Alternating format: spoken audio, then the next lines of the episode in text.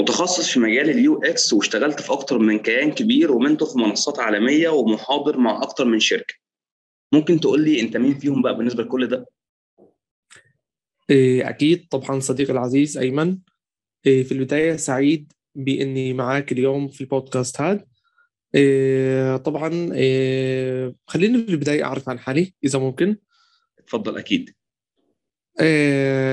المهندس حازم كعب الماضي من فلسطين. واحد من أفضل 40 mentor على مستوى العالم مع منصة عالمية اسمها ADP List Amazing Design People List. بالإضافة إلى كوني العربي الأول والوحيد كمحاضر مع برودكت كلاس روم في أمريكا. بالإضافة إلى إني الفلسطيني الوحيد على منصة ريكرييت زائد منصة ذا منتورنج كلوب بالإضافة إلى إني mentor مع منصة الجيستيك مؤسسة دولية عندنا هنا بالقدس في غزة. هذا غير اللي هو النشاط الخارجي أو ال mentorship sessions المجانية اللي بقوم فيها بشكل independent لحالي ولوحدي ببساطة background simple وخفيفة عني هيك على هالسريع. ما بدي أطول عليكم كثير عظيم. آه، تقريبا أنا آه، اتشرفت بيك حازم من سنة تقريبا. ولاحظت إن أنت بتحاول كل يوم بلاقي حد من الناس عامل منشن لحازم إن هو كان طالب معاك مثلا أو كده. فأنت إمتى خدت آه، قرار إنك تعلم الناس أو تساعد الناس أو تشتغل في الجزء الأكاديمي بشكل أكبر يعني؟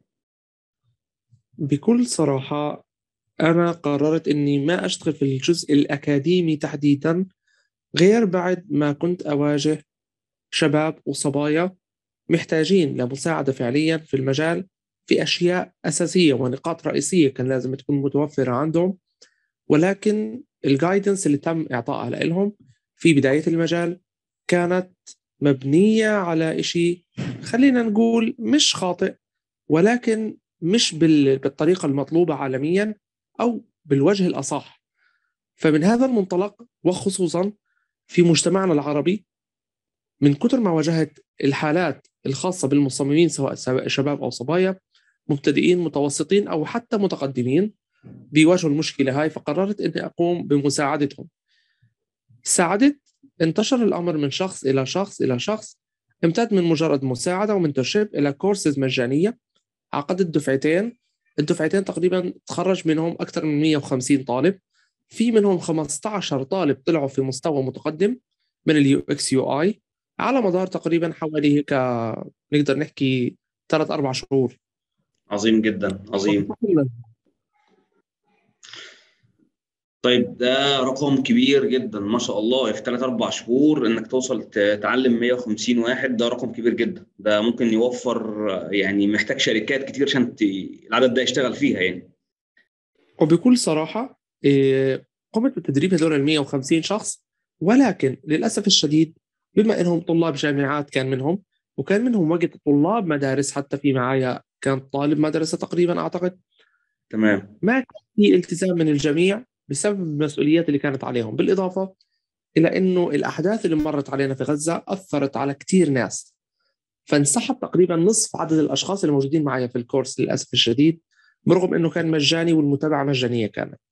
الأشخاص اللي فعلا قدروا يطلعوا بمستوى متقدم وكثير كويس هم 15 شخص.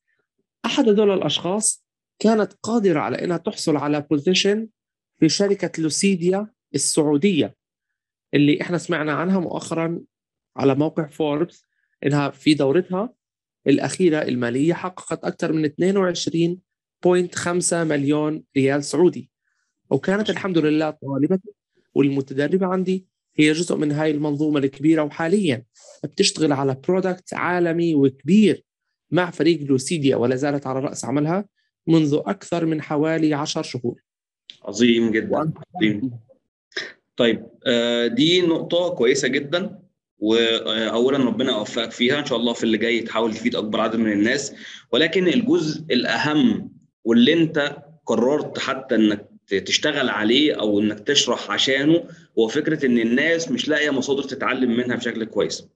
فدلوقتي البداية بتكون إزاي؟ لو أنت النهارده افتكرت البداية بتاعتك في المجال وعايز تنصح حد تقول له يبدأ إزاي ويتعامل إزاي في المجال ويتعلم منين. بشكل بسيط وخطوات مرتبة حكم خبرتك أنت. يعني ممكن ت handle ها إزاي.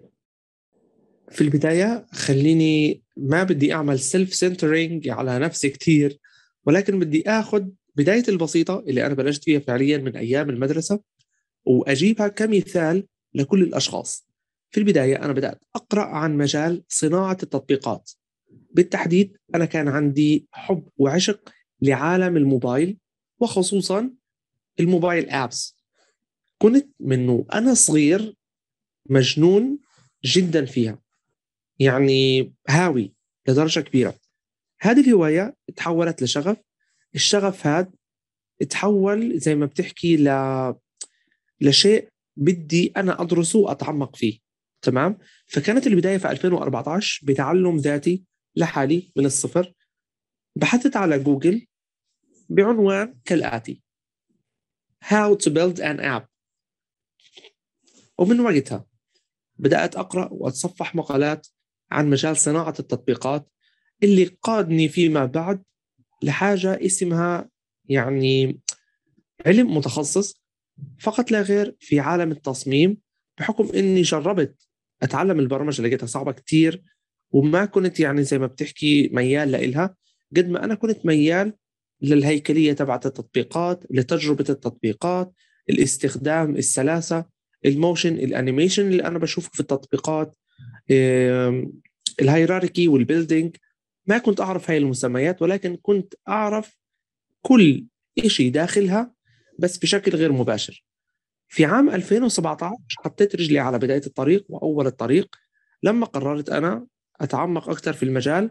لما فعلا وصل عن وصل لي عن طريق أشخاص محترفين في هذا المجال عندنا هنا في فلسطين وفي غزة كنت متواجد معهم في مجتمع تقني دائما جنبا إلى جنب فكنت أتعلم منهم. ومن هناك كانت الانطلاق للتخصص في عالم ال UX UI design. إلى يومنا هذا لا زلت كل يوم بتعلم بقرا سواء من مقالات سواء أشاهد فيديوهات أو قراءة كتب أو زي ما بنحكي متابعة trends ولكن trends مش على السوشيال ميديا فقط ولا على بيهانس أو دريبل لا متابعة trends في الع... في ال apps نفسها الواقعية. يعني مصدر الإلهام تبعي هو متجر التطبيقات سواء كان iOS أو جوجل بلاي store شو في ترندات شو في تقنيات جديدة؟ أشياء واقعية كلياتها بتعلمها من خلال استعمالي لل apps بشكل مباشر. هذا simply الإشي اللي أنا بنصح فيه كل شخص بده يتعلم جديد في المجال. أول حاجة يعني يبحث عن المجال ياخذ نظرة عامة عنه. زي ما بنحكي يعرف ماهية المجال شو هو المجال هذا شو بيتناول شو مكوناته. إذا أعجبه محتوى المجال وإذا كان قريب منه فعليا يقوم بقراءة أشياء بسيطة عنه بالتعلم الذاتي كبداية. لما يوصل إنه فعليا أوكي أنا بدي أتخصص في هذا المجال طبعا هذه الخطوات مش راح تكلفه أكثر من أسبوع إلى أسبوعين ولكن راح يبني عليها قرار جدا مهم. فيما بعد ما يخلص هذا الأسبوع أو الأسبوعين من التصفح والقراءة العامة عن المجال بيقدر يفوت directly بعدها لحاجة اسمها special courses أو specialized courses كورسات متخصصة مع ناس متخصصين فعلا يعرف مين هو الناس الكويسة ومين هي الناس اللي بتمشي على ال process الأصح وفقا للي قرأوا عن المجال عالميا. وأكيد رح يكون قادر يميز مين اللي بيمشي على الصح ومين اللي بيمشي على الغلط. لأنه ال curriculum هذا موجود عالميا ال process اللي إحنا بنشتغل عليها عالميا موجودة ومتاحة على أكثر من موقع بس محتاجة من الطالب أو من الشخص اللي بده يفوت المجال يعمل research عليها فقط لا غير. ومن هناك بتكون الانطلاقة تبعته. أهم حاجة يختار بعد ما يكون عنده ال background اللي زي ما بنحكي كافية إنها تخليه يختار الشخص المعين اللي ينطلق معاه. بعد هيك يستفيد ويستثمر كل ثانية من الكورس أو من الشخص هذا اللي بده يقوم بتعليمه وتدريبه. إذا ما كان ميال للتعليم أو التدريب التقني مع أشخاص مثلا معينين ممكن يقوم بالتعمق لحاله في المجال أكثر وأكثر ولكن هذا راح يكلفه وقت أكبر بكثير بمعنى إذا إنه كان مع الشخص المدرب بده يسلك المسار تبع التدريب خلال ثلاث شهور. بعد الثلاث شهور فيكون في عندنا ثلاث شهور كمان mentoring و guidance هي ست شهور هدول مع مدرب. من غير مدرب ممكن الست شهور يضلهم زي ما هم. ممكن يمتدوا لسنة أو سنة ونص أو سنتين. ما بتعرف حسب جهد الشخص. ولكن وفقا لتجربتي الخاصة الناس اللي بتحصل على guidance أو mentoring من ناس فعلا متخصصة بتكون جهدها إيه، نتائجها الأعمال اللي بتقوم فيها طريقها مسرعه ما بين أربع إلى عشر أضعاف عن الأشخاص العاديين. simply وأعتذر عن الإطالة وال... والشرح الكتير ولكن حبيت أوجز واوفي كل ال process اللي أنا بنفسي مشيت عليها واللي بنصح برضه الطلاب أو المتدربين من بعدي يمشوا عليها. آه لا هو انت ما طولتش ولا حاجة حازم بالعكس انت بتتكلم في أهم نقطة وكل يوم بنشوف ناس كتير موجودين على السوشيال ميديا سواء لينكد إن أو فيسبوك. أنا كل يوم بيجي لي أسئلة آه، أبدأ كورس منين الكورس هيعلمني إيه وهيشغلني إيه وآخد كام شهر أتعلم. الكلام ده كله هو المضمون أصلا والهدف إن إحنا نقول فيه معلومات في البودكاست إن إحنا نوصل للناس الحلول بتاعت الحاجات دي. بس في آه، نقطة بتواجه ناس كتير اللي هو بعد ما يبدأ شهر شهرين ثلاثة لما ما بيكونش فاهم الصورة بشكل واضح زي ما انت وضحتها كده بيقلق أو بيتردد ويقول لأ ده أنا كده فشلت أنا كده خلاص ما نجحتش.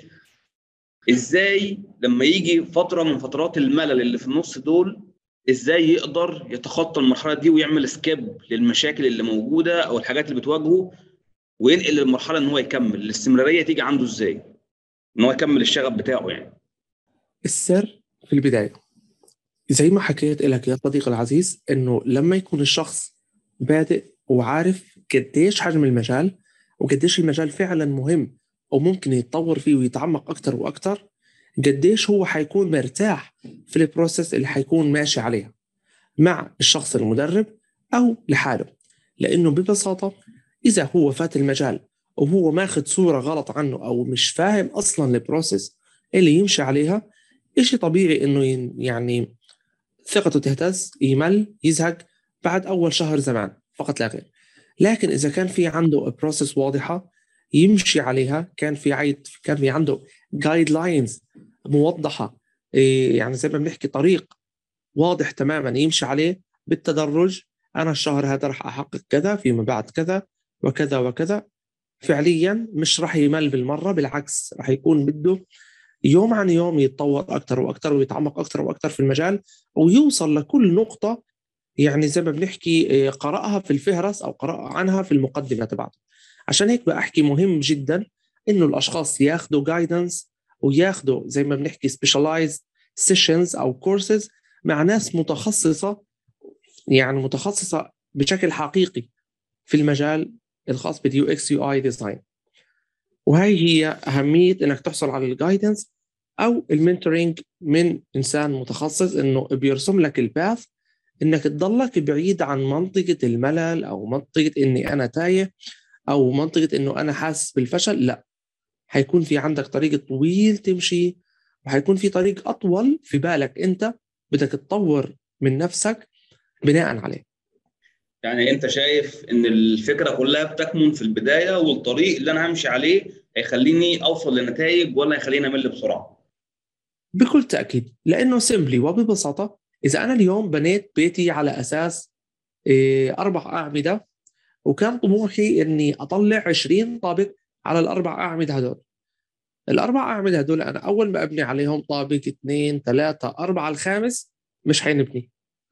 يعني اساسه ضعيف معناته نهاية أو معناته طريق سيء. راح ينهار البيت كلياته علي. وأرجع لنقطة الصفر ويا عالم قديش راح يكلفني إعادة البناء. لكن إذا أنا فعليا أخذت وقتي وأنا بأبني بأسس قواعد جيدة راح يكلفني هذا وقت أطول ممكن في البداية ولكن بعد هيك حيريحني جدا جدا. وراح يختصر علي كتير تعب وراح يجنبني كتير مخاطر ومخاسر في المراحل أتي التالية عفوا. عظيم عظيم. آه يمكن دي أهم مشكلة آه بيكون فيها أسئلة كتير أو أهم نقطة فيها أسئلة كتير بتواجهني عامة. فكرة البدايات الناس دايما محتاجة أنا هشتغل بقد إيه أنا مرتبي هيبقى كام وأنا هشتغل بعد كام شهر هو الكورس فيه شهادة ولا لأ؟ ف زي ما أنت قلت حازم هي فكرة الشخص المتخصص لو في mentor session موجودة يقدر إن هو ي add value فيها 20 دقيقة 30 دقيقة مع الشخص هيقدر يرسم له طريق ويخليه يتفادى مشاكل كتير جدا في البداية. بس في نقطة يعني أنت اشتغلت على اي دي بي ليست كمنصة كبيرة جدا. اولا ربنا يوفقك في كل الأماكن اللي أنت موجود فيها. ولكن إيه أكتر سؤال بتتسأله أو أكتر محور من المحاور اللي الناس بتتناقش معاك فيها؟ يعني في حاجة أنت لاحظت إنها متكررة في الأسئلة. إيه الحاجة دي؟ أكثر سؤال كان بينسال لي بما معناه بمختلف اللهجات بمختلف الثقافات من مختلف الأشخاص سواء كانوا مستوى مبتدئ أو متوسط أو حتى متقدم. شو هي أفضل process أنا أمشي عليها في العملية التصميمية؟ ده أكيد أكيد. أنا سألتك السؤال ده دلوقتي. أو أنت بتجاوب عليهم تقول لهم إيه؟ يعني إحنا عارفين إن ال UX process هي ليها مدارس ولكن مشتركة في حاجات كتير أساسية وبتختلف من مشروع للتاني حسب تطبيق المشروع وحسب العوامل اللي موجودة والوقت والمشروع نفسه فكرته موجودة جديدة ولا لأ. ولكن من وجهة نظرك أنت إيه اللي فارق؟ أو إمتى بحدد البروسيس اللي بمشي عليها؟ تكون إزاي؟ زي ما بنعرف في أشياء كتير مشتركة أو عفوا مراحل كتير مشتركة ما بين زي ما بنحكي مختلف المشاريع الموجودة عندنا. باختلاف اللي هي احتياجات المشروع باختلاف طبيعة المشروع باختلاف طبيعة الزبائن. الكل بيشترك في عملية واحدة بيمشي عليها. طبعا في البداية إحنا لازم نعرف إنه مجالنا ما بيقتصر فقط على المجال ال technical. مجالنا بيمتد للمجال الفيزيائي. يعني ال UX UI design ما بينطبق فقط لا غير على ال software design. بل بينطبق على ال physical products design برضه المنتجات الواقعية المحسوسة الملموسة. من تجربتي البسيطة ومقابلتي لأشخاص موجودين في مجال ال product design اللي هو ال physical product design ال process اللي هم بيمشوا عليها نفس ال process اللي إحنا بنمشي عليها بالملي. لأنه إحنا الاثنين already بنشتغل إيه زي ما بنحكي product design ولكن هم إحنا software هم physical product إيه أنا ضربت هذا المثال لحتى أوضح إنه حتى باختلاف المجالات إيه الخاصة بال product design هناك عملية مشتركة ما بيننا وبينهم اللي هي بتبدأ بال research ال analysis بعد هيك إيه زي ما بنحكي ال interviewing الخروج ب user stories و personas بعد هيك يعملوا زي ما بنحكي mind mapping user flowing بعد هيك يتجهوا لل information architecture building وينتقلوا فيما بعد لل UI ال UI يبدأوا بال sketchات تفريغ أفكار بعد هيك wireframes مبدئية wireframes عالية الجودة high fidelity فيما بعد ينتقلوا لل UI وأخيرا prototype design هذا عندنا في مجال ال software كذلك الأمر عندهم في مجال ال physical products من خلال مقابلتي لأحد الأشخاص كانت مصممة منتجات أثاث لأكثر من حوالي ست سنوات. نفس ال process اللي إحنا بنمشي عليها هي موجودة عندهم. عندهم بيبدأوا بال research بال analysis بيبدأوا بال interviewing مع الأشخاص والناس بينطلقوا بعد هيك لا إيه زي ما بنحكي إحنا ال design materials اللي راح يستخدموها اللي إحنا بنعوض عنها بال user flows أو ال information architecture والمحتويات الداخلية للتطبيق لكن هم هناك بيعوضوا عنها بال materials الداخلية. لل product مثلا فيما بعد بيتجهوا لل sketchات. بعد ال sketchات حيكون عندهم تصور مبدئي وشكل مبدئي عن المنتج اللي هم بدهم يصنعوه.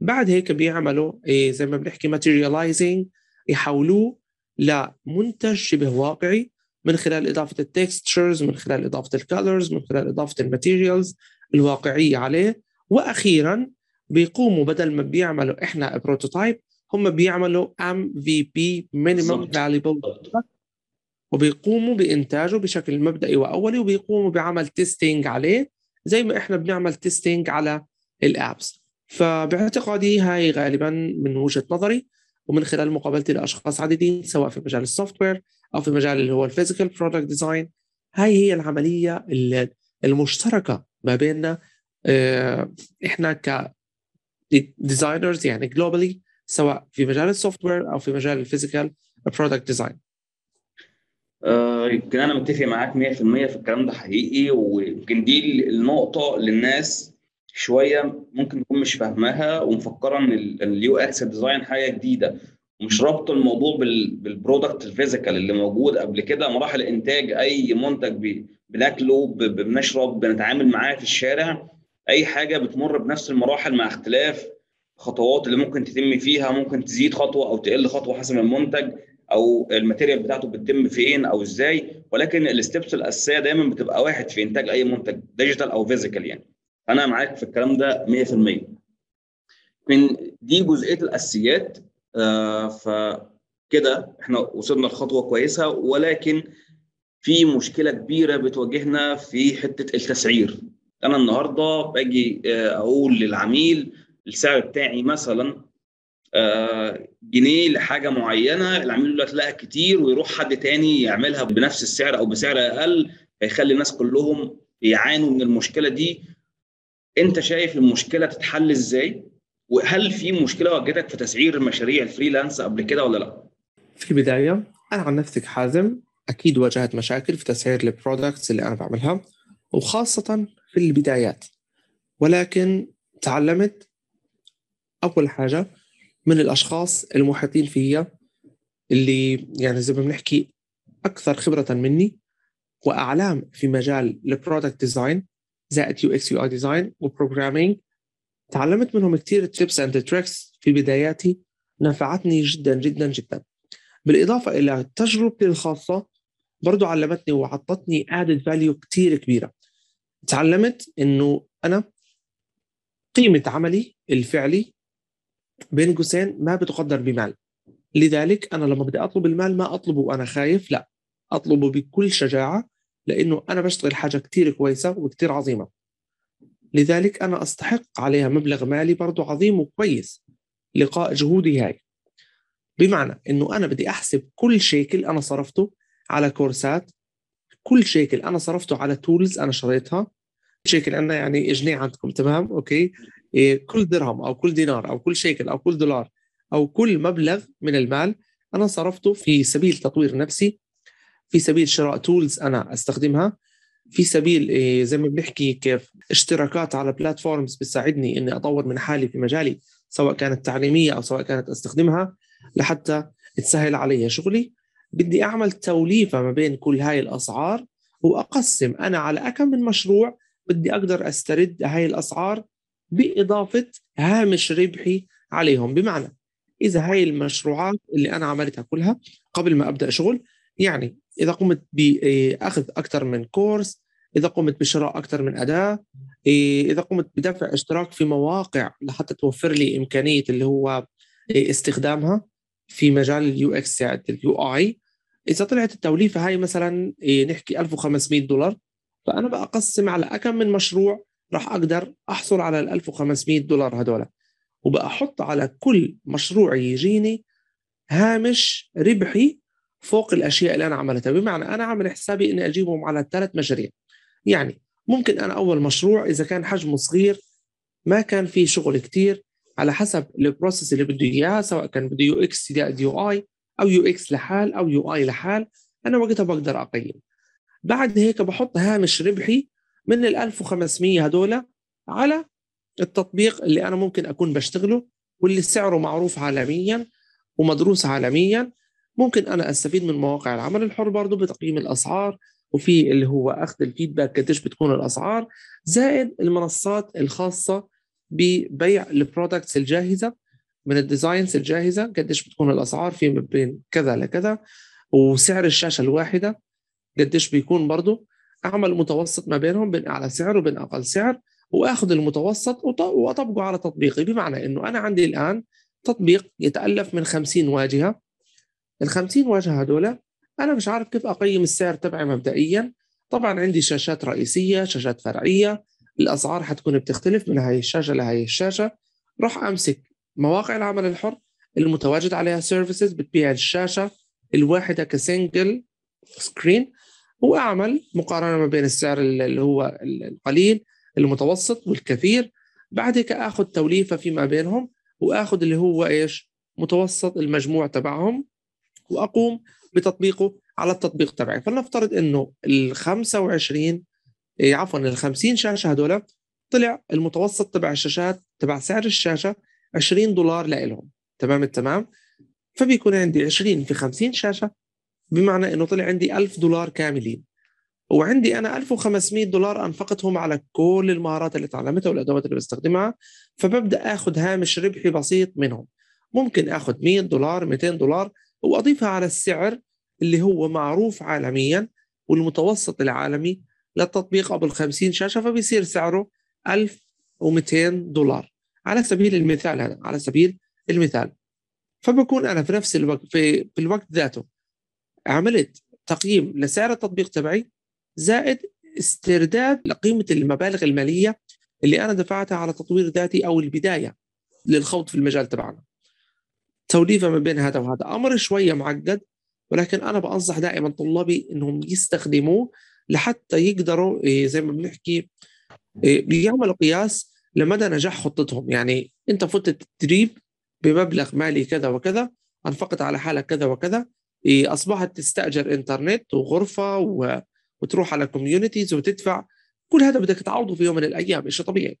فبدك تحسب كل حاجة أنت بتصرفها وتقوم بتقسيم هذا المبلغ على عدة مشاريع أنت بتعملها وبتستعين بالخطوات الآتية اللي حكيتها أنا قبل شوية في تقييم سعرك سواء كان على منصة العمل الحر أو سواء كان لا بيجيك عميل بشكل مباشر و direct والأهم ما تبخس في سعرك.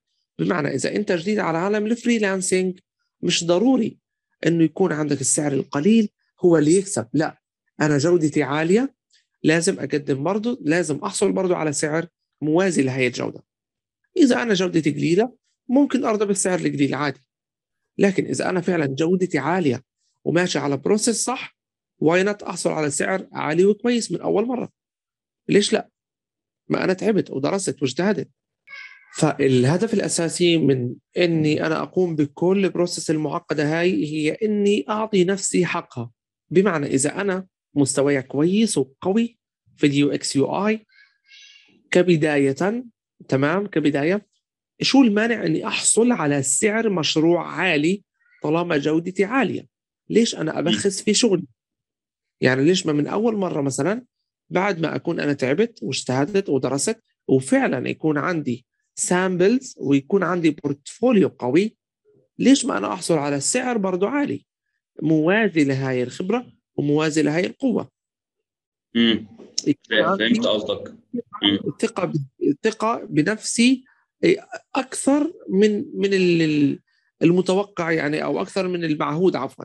أكثر بس من المعهود في المبتدئه بس في نقطة هنا يا حازم برضو إن في ناس كتير متسرعة. يعني في حد يدخل المجال يتعلم يجيب شوية حاجات من بنترست يقعد يعمل لهم redesign تاني ويقول على إن هو كده شغال UX designer وممكن يبقى عنده followers كتير وبياخد شغل بناء على سمعته الكبيرة اللي موجودة وليه كل الاحترام طبعا على المستوى الشخصي. ولكن بتفاجئ إن مستوى الشغل يعني مش على القدر الكافي رغم إن هو واخد رقم فلوس كبير يعني ولكن النتيجة مش أعلى حاجة وبلاقي الشغل بشوفه. يعني بيكون العميل جاي جاي بالشغل بيقول لي ده الشغل اللي أنا عملته وأنا محتاج أعيده تاني. فهنا برضو لازم نأكد برضو في فكرة اللي هو إيه أنت لما تيجي تقول الشغل بتاعك بيساوي كذا لازم تبقى متأكد الأول من جودة شغلك. تبقى متأكد من المجهود اللي أنت بذلته وتقيس مجهودك ونتيجة الشغل اللي أنت بتعمله على السوق اللي موجود حواليك. لو أنت بتطلع كواليتي زي اللي الشركات بتعملها أو الأشخاص المميزين بيعملوها فابدأ قيم نفسك في المرحلة دي على تمام أنا كده وصلت للمرحلة اللي أنا ممكن أشتغل بيها خلاص عشان في ناس كتير بتاخد الموضوع بشكل ظاهري و... وللأسف بيسببوا مشاكل كبيرة جدا في المجال بتاعنا يعني. بكل تأكيد هذه يعني ظاهرة للأسف الشديد موجودة عندنا وبكثرة في فلسطين أشخاص معروفين حتى عندنا على مستوى السوق أمورهم برضه كويسة بيطلبوا أسعار غالية ولكن للأسف الشديد بيشتغلوا على kits جاهزة بيعدلوا عليها أو بيقوموا باستيراد kits وتقليدها وعملها copy paste وينسبوها لهم كأنها عمل من أعمالهم بغض النظر عن ال process بغض النظر عن يعني زي ما بنحكي المصداقية ولكن المهم هو الأرقام ال followers المجد الكاذب فاهم علي كيف؟ أيوه أيوه. تمام تمام. غالبا يعني بيكونوا ك يعني كجمرة بتتوهج بتطلع نار أوكي؟ الكل بيلتم حواليها لفترة بعدك بتطفي. امم معك لكن معك. الناس فعلا مميزة في مجالها إيه وبتتبع process صحيحة بتضلها يعني زي ما بنحكي كالنجم مضيء لا ينطفئ. عظيم عظيم جدا. في يعني مرحلة المحتوى العربي عامة آه، انت شايف أو آه، من وجهة نظري البسيطة يعني ان في شوية آه، ندرة في المحتوى العربي. لو انت صاحب القرار النهارده وأنا بقول لك هنعمل بروجكت يفيد الناس في المحتوى العربي هيكون إيه من وجهة نظرك بما انك شغال في الجزء الأكاديمي وبتشوف ناس؟ إيه الحاجة الكبيرة لو عندك mission كبيرة ممكن تعملها وأنا بديك اختيارات تعمل كيان منصة منظومة كورس إيه الحاجة الكبيرة اللي ممكن تفيد المحتوى العربي في المجال بتاع ال UI وال UX design بصراحة أكثر يعني أداة أو أكثر آه، زي ما بنحكي آه، شق محتاجين نطوره إحنا على صعيدنا الشخصي آه، في العالم العربي في مجال ال UX UI design هو وجود منصة بتقدم ما هي للعلم الخاص بتصميم تجربة وواجهة المستخدم على الوجه الحقيقي مش الوجه التسويقي مش الوجه اللي الهدف منه جمع الفولورز ولمهم. هدف يكون علمي بحت تقديم زي ما بنحكي الجانب التطويري إيه، التركيز على الجانب العلمي إيه، الحقيقي تمام؟ اللي بيحتوي على فعلا معلومات مواكبة لآخر التطورات العالمية بالإضافة للأسس والرواسخ القوية القديمة ودمجهم فيما بعضهم زي ما هو موجود في ال resources الأجنبية. هذا إحنا أكثر حاجة بنفتقر لها في العالم العربي. وهذا بصراحة يعني بيتطلب مجهود أشخاص عديدين مجهود مش بسيط وبيتطلب في نفس الوقت برضه مجهود يعني مش من بس أشخاص من قطاع ال IT لا. حيتطلب مجهود من أشخاص في قطاع الترجمة تمام؟ في قطاع اللي هو عندنا إحنا على صعيد مجالنا ال UX UI إحنا كأشخاص. حيتطلب مثلا من صناع المحتوى وكتاب المحتوى إنهم يبسطوا المحتوى اللي هو متواجد من مجرد نص مترجم إلى نص جاذب للقارئ أكثر من ما هو عليك يعني قالب هيك صامت أو جامد. هيحتاج ناس من أكثر من مجال لحتى توصل المعلومة سلسة وسهلة للمستخدم النهائي أو للقارئ النهائي. فبصراحة يعني واحد أو اثنين أو ثلاثة ما بيقدروا يحلوا هذا الأمر. محتاجين إحنا إلى عشرات الأشخاص لحتى نقدر إيه على الأقل إيه نعمل سد لأحد الفجوات المتواجدة في هذا المجال. إيه ومحتاج وقت كبير بالإضافة طبعا خلينا نتحدث آخر حاجة عليها. طبعا المبالغ المالية الضخمة اللي يتم دفع على الفرق اللي حتشتغل لأنه اوريدي الناس ما في ناس بتشتغل ببلاش اليومين هذول إلا من رحم ربي. المجانين اللي زي يعني لا مش لوحدك يا حازم ما تقلقش. ما بقول طيب. لك المجانين المجانين اللي زي المجانين اللي زي بس مش كتار كثير يعني. طيب آه، دلوقتي إحنا يعني اتكلمنا في نقط بسيطة عن البداية وعن إزاي الناس تكمل وتتعلم والمسارات والتعامل إزاي مع المشاكل اللي ممكن تواجهك من الملل مثلا أو اللخبطة اللي بتحصل. اتكلمنا عن التسعير. أنا بالنسبة لي آه، خلصت لو عندك أي معلومة نصيحة تنصح أي حد بأي حاجة في المجال تقول له إيه؟ جملة بسيطة. اهرب يا مجدي. يعني إيه؟ اهرب يا مجدي. اهرب يا مجدي. أوكي. طب ما ما مش ما مش هينفع. لا لا إيه، بمزح. أكثر حاجة أنا دائما بحب أنصح فيها الأشخاص طبعا كل نصائحي بحمد الله إجت من واقع تجربتي. يعني أنا فعليا بنصح الشخص من واقع تجربتي. يعني أنا ما بقدم له نظرية من غير ما أكون بحمد الله أنا عاملها. أو مرقت فيها. تمام؟ لأنه إحنا البشر باختلاف طبيعتنا أو باختلاف بيئاتنا أو باختلاف مواقفنا أكيد هناك نقاط مشتركة ما بيننا. فبحمد الله كل المواقف اللي أنا تعرضت لأسئلة فيها لحتى الآن كنت فعلا مارر فيها. في عندي سابق تجربة فيها. يعني؟ ومواجه هاي أو هاي الأمور. تمام؟ مم. تمام. ببساطة علشان ما تحكوا يعني انه حازم بيحكي كلام نظريات أو حازم مثلا جاي ينظر علينا مثلا. معلش في هذه النقطة. أنا دائما بحكيها لإيش؟ الأشخاص إنه أنا مش جاي أنظر أنا مش جاي أتفلسف. لا أنا فعليا بنصحكم من واقع تجربة. يعني أنا كنت في يوم من الأيام زيكم. ما ما حدا صار wow في لمح البصر. لا كنت زيكم. وفي يوم من الأيام قررت إني أنتقل للمستوى اللي بعد هيك وأخذت ال risk وخاطرت.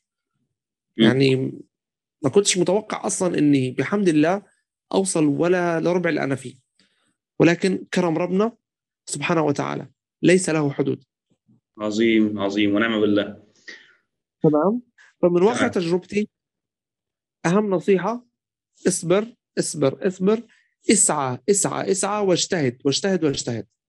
يعني أنا أكدت ثلاث مرات على كل كلمة كل كلمة تمام؟ لأنه. مش بسيط تنفيذ هذه الكلمة. الصبر الصبر الصبر إن نقرنه بالسعي ثم السعي ثم السعي. لما نصل للي إحنا بدنا إياه ما نقعد في ال comfort zone لا نجتهد ثم نجتهد ثم نجتهد. يعني اصبر اصبر اصبر حتى تصل إلى ما تريد. اسعى اسعى اسعى حتى تصل إلى ما تريد. وإذا وصلت اجتهد ثم اجتهد ثم اجتهد. عشان تنال أكثر مما تريد. عظيم جدا. يعني ده, ده خير كلام آه، يكون في في ختام ال- الكلام النهارده. آه، ولكن قبل ما ننهي كلامنا آه، أكيد ناس كتير هتكون حابة إنك إنها تشوفك أو تتابعك عامة. فهستأذنك إن إحنا ننزل اللينكات بتاعتك في ال description بتاع الحلقة. لو امكن تبعتها لي تاني بشكل مرتب المنصات اللي انت موجود عليها ك mentor كل التفاصيل اللي ممكن الناس تتابعك عليها لو امكن تبعتها لي اكون شاكر ليك جدا. بكل تأكيد ويشرفني و- آه، آه، كل الأشخاص يشرفني متابعة كل الأشخاص على كافة وسائل التواصل الاجتماعي آه، سواء بشكل friendly أو بشكل اللي هو على ال mentoring platforms أهلا وسهلا في كل شخص حابب آه، يتواجد معايا آه، كصديق آه، كأخ عزيز كمتابع كشخص حابب يستفيد كل اللي بدكم إياه. يعني محتوى متنوع. بإذن الله بإذن الله. أهلا وسهلا فيكم جميعا يعني أكيد. ويشرفني استقبال الجميع أكيد. و... ومعرفة الناس كنوز. وفعلا كل يوم أنا بلتقي بأي شخص بيكون كنز بحد ذاته. آه، ف... متشوق لرؤية الكنوز القادمة منكم. بإذن الله بإذن الله. آه، أنا ببعت لك. كل كل السلام والتحية من مصر فلسطين يا حازم. وأنا حقيقي لو يعني لو في حد على مستوى الشغل أو كبزنس آه، نفسي أشوفه هتبقى أنت من الناس اللي, اللي أنا محتاج أقعد معاهم حقيقي وأتشرف بيهم على أرض الواقع. فمبسوط إن إحنا كنا مع بعض وإن شاء الله ما تكونش آخر مرة. بداية ال- الاتفاقات اللي إحنا اتكلمنا فيها قبل كده إن شاء الله نتعاون في حاجات كتير تدريبية أو عمل شغل مع بعض بإذن الله. وشكرا ليك تاني على إنك وافقت على دعوتي دي. وإن شاء الله توصل لأكتر من اللي أنت كنت عايزه بزيادة كمان. شكرا لك صديقي العزيز أيمن. وبالمناسبة أنت أحد الكنوز بعيدها كمان مرة الجملة هاي. اللي تعرفت عليها خلال الفترة القليلة الماضية. وللأمانة كلامك شهادة أعتز فيها. ووسام على صدري. ولك مني كل التحية والاحترام والحب والتقدير صديقي العزيز أيمن. والقادم خير ما بيننا بإذن الله رب العالمين. بإذن الله. شكرا ليك يا حازم. أنا اللي اتشرفت بيك حقيقي على دماغي كل الكلام ده.